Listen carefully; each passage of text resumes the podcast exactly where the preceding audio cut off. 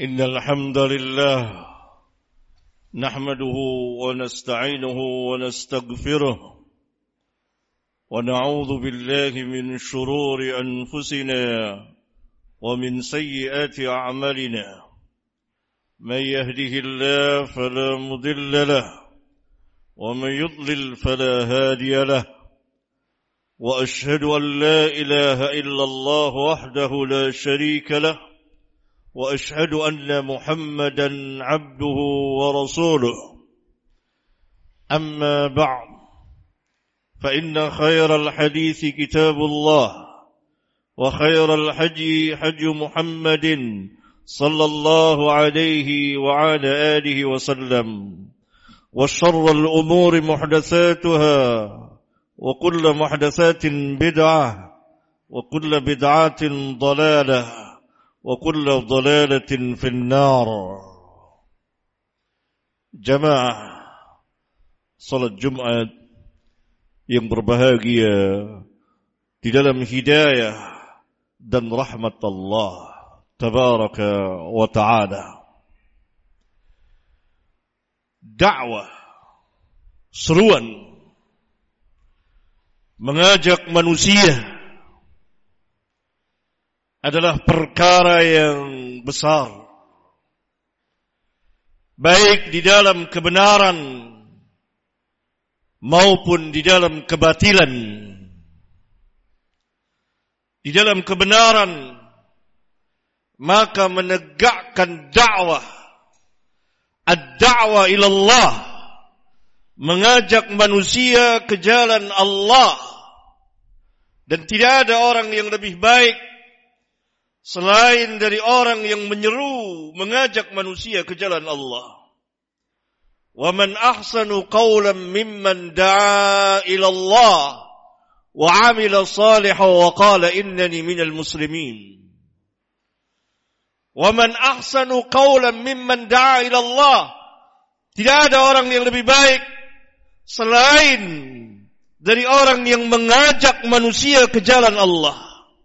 Berarti dakwah harus ditegakkan ad-da'wah ila Allah mengajak ke jalan Allah tabaraka wa taala.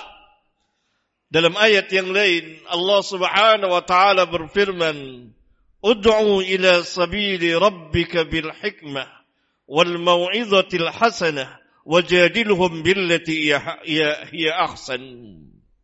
Ajaklah ke jalan Rabbmu yakni ke jalan Allah tabaraka wa taala apa yang Allah telah tetapkan dan syariatkan. Bukan mengajak ke jalan kelompoknya ke jalan sektenya ke jalan pahamnya ke jalan mazhabnya ke jalan organisasinya dan lain sebagainya. Tetapi dakwah ditegakkan ad-da'wah ila Allah ud'u ila sabili rabbik ajaklah ke jalan Rabbmu. Bukan ke jalanmu, bukan ke jalan kelompokmu, bukan ke jalan sektimu, bukan ke jalan partaimu, bukan ke jalan yang selain dari jalan Allah tabaraka wa ta'ala. Ud'u ila sabili rabbika bil hikmah. Dengan cara yang hikmah, yang penuh dengan ilmu. Wal mau'izatil hasanah. Dengan pelajaran yang paling baik wajadilhum billati hiya ahsan dan ajaklah berdialog berdebat dengan cara yang paling baik dalam ayat yang lain Allah tabarak wa taala memerintahkan hambanya dan rasulnya yang mulia untuk menyatakan secara terang-terangan inilah dakwanya hadhihi sabili ad'u ila Allah ala basiratin ana wa man ittaba'an Katakan, katakan hai Muhammad kepada mereka ini. Ini jalanku. Qul hadhihi sabili, ini jalanku, yakni jalan Allah. Ad'u ila Allah. Lagi-lagi ad-da'wa ila Allah. Ad-da'wa ila Allah. Aku ajak manusia ke jalan Allah. Ana wa man ittaba'an. Aku bersama dengan orang-orang yang mengikutiku. Tetapi mengajak jalan, mengajak manusia ke jalan Allah pertama ada basiratin atas dasar basirah ilmu, burhan, hujjah, alasan dan pembuktian ilmiah. Berarti seorang da'i dia harus berilmu. Dia harus kuat ilmunya. Karena dia menegakkan hujjah Allah di permukaan bumi ini. Yang kedua, dia beramal taat. وَمَنْ أَحْسَنُ قَوْلًا مِمَّنْ دَعَا إِلَى اللَّهِ وَعَمِلَ صَالِحًا Selain dia dakwah, dia dakwah dengan ilmu dan dia beramal taat dan dia menyatakan wa innani minal muslimin. Ah inilah dakwah. Dakwah perkara yang besar dan dakwah yang hak ditegakkan ad-dakwah ila Allah bukan untuk popularitas, bukan untuk mencari nama, bukan untuk menja menjadikan dirinya megah, bukan agar manusia memujinya, menyanjungnya, bukan mengajak kepada kelompoknya, bukan kepada sektenya, bukan kepada golongannya, bukan kepada organisasinya, tapi ad-da'wa ila Allah. Aqulu qawli hadha wa astaghfirullah li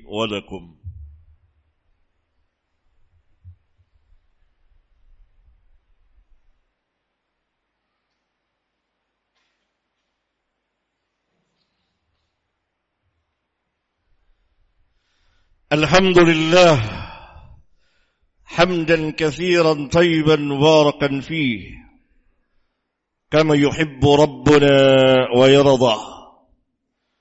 وصلى الله وسلم على النبي الكريم وعلى آله وأصحابه ومن تبعهم بإحسان الله يوم الدين. وبعد.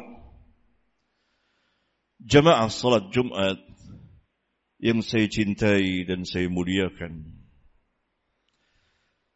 Khutbah yang pertama mengenai dakwah, kebesaran dakwah dan dakwah yang hak dan apa yang harus ada pada seorang dai yang mendakwakan dakwah yang hak. Dia berilmu, kuat ilmunya, karena dia menegakkan hujjah Allah di permukaan bumi ini. Yang kedua dia beramal saleh, beramal taat. Dan yang ketiga dakwanya adalah ad-da'wa ila Allah.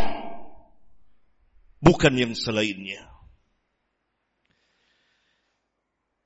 Pada khutbah yang kedua ini, selain ada dakwah yang hak, ada dakwah yang batil.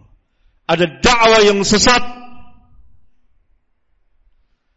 Nabi sallallahu alaihi wasallam dalam sebuah hadis sahih yang dikeluarkan oleh Bukhari dan Muslim. Hadis yang sangat terkenal. Hadis dari jalan Huzaifah ibn al-Yaman radhiyallahu taala anhu. Yang Nabi sallallahu alaihi wasallam dalam menjawab pertanyaan Muaz dan Huzaifah dalam menjawab pertanyaan Huzaifah bahwa beliau menjawab pertanyaan bahwa nanti akan ada du'atun ala abwabi jahannam. Dai-dai yang berada di pintu-pintu jahannam. Kata ulama, mereka ini adalah kelompok-kelompok sesat dari firqa-firqa sesat, dari sekte-sekte sesat dan sekarang kita menjumpainya di antaranya ada seruan dakwah kepada liberalisme, pluralisme, sekularisme yang mengajak kaum muslimin agar meninggalkan agamanya yang dakwah tentang wihdatul adyan, kesatuan agama bahwa semua agama itu sama. Padahal Rabbuna Azza wa Jalla mengatakan inna ad-dina 'inda Allahil Islam. Sesungguhnya agama yang sah di sisi Allah hanyalah agama Islam. ومن يبتغي غير الإسلام دينا فلن يقبل منه وهو في الآخرة من الخاسرين Barang siapa yang mencari selain agama Islam Maka tidak akan diterima agamanya selama-lamanya Dan dia di akhirat termasuk orang-orang yang rugi اليوم أكملت لكم دينكم وأتممت عليكم نعمتي ورضيت لكم الإسلام دينا الله رضا إسلام sebagai agama bagi kamu ada seruan wihdatul adyan. Kesatuan agama-agama ini adalah paham dari dai seruan dari dai duatun ala abwabi jahannam. Maka dai yang berada yang menyeru kepada kebenaran harus menjelaskan kebatilan, kesesatan, kekufuran dakwah wihdatul adyan ini yang sedang dan telah dan sedang digalakkan, didakwakan oleh duatun ala abwabi jahannam di negeri kita ini khususnya dan di negeri-negeri Islam yang lain agar kaum muslimin melemah keyakinannya terhadap Islam berkurang keimanannya akan berkurang dan lama kelamaan hilanglah keislaman dan keimanannya. Wal billah. Oleh karena itu dai yang berada yang mendakwakan yang hak ad-da'wa ila Allah harus menegakkan ini semoga khutbah yang singkat ini bermanfaat bagi kita sekalian. Allahumma ighfir lil mu'minina wal mu'minat wal muslimina wal muslimat al ahya minhum wal amwat. Ya muqallibal qulub thabbit qulubana ala dinik اللهم مصرف القلوب صرف قلوبنا على دينك. اللهم مصرف القلوب صرف قلوبنا على طاعاتك. ربنا آتنا في الدنيا حسنة وفي الآخرة حسنة وكنا عذاب النار.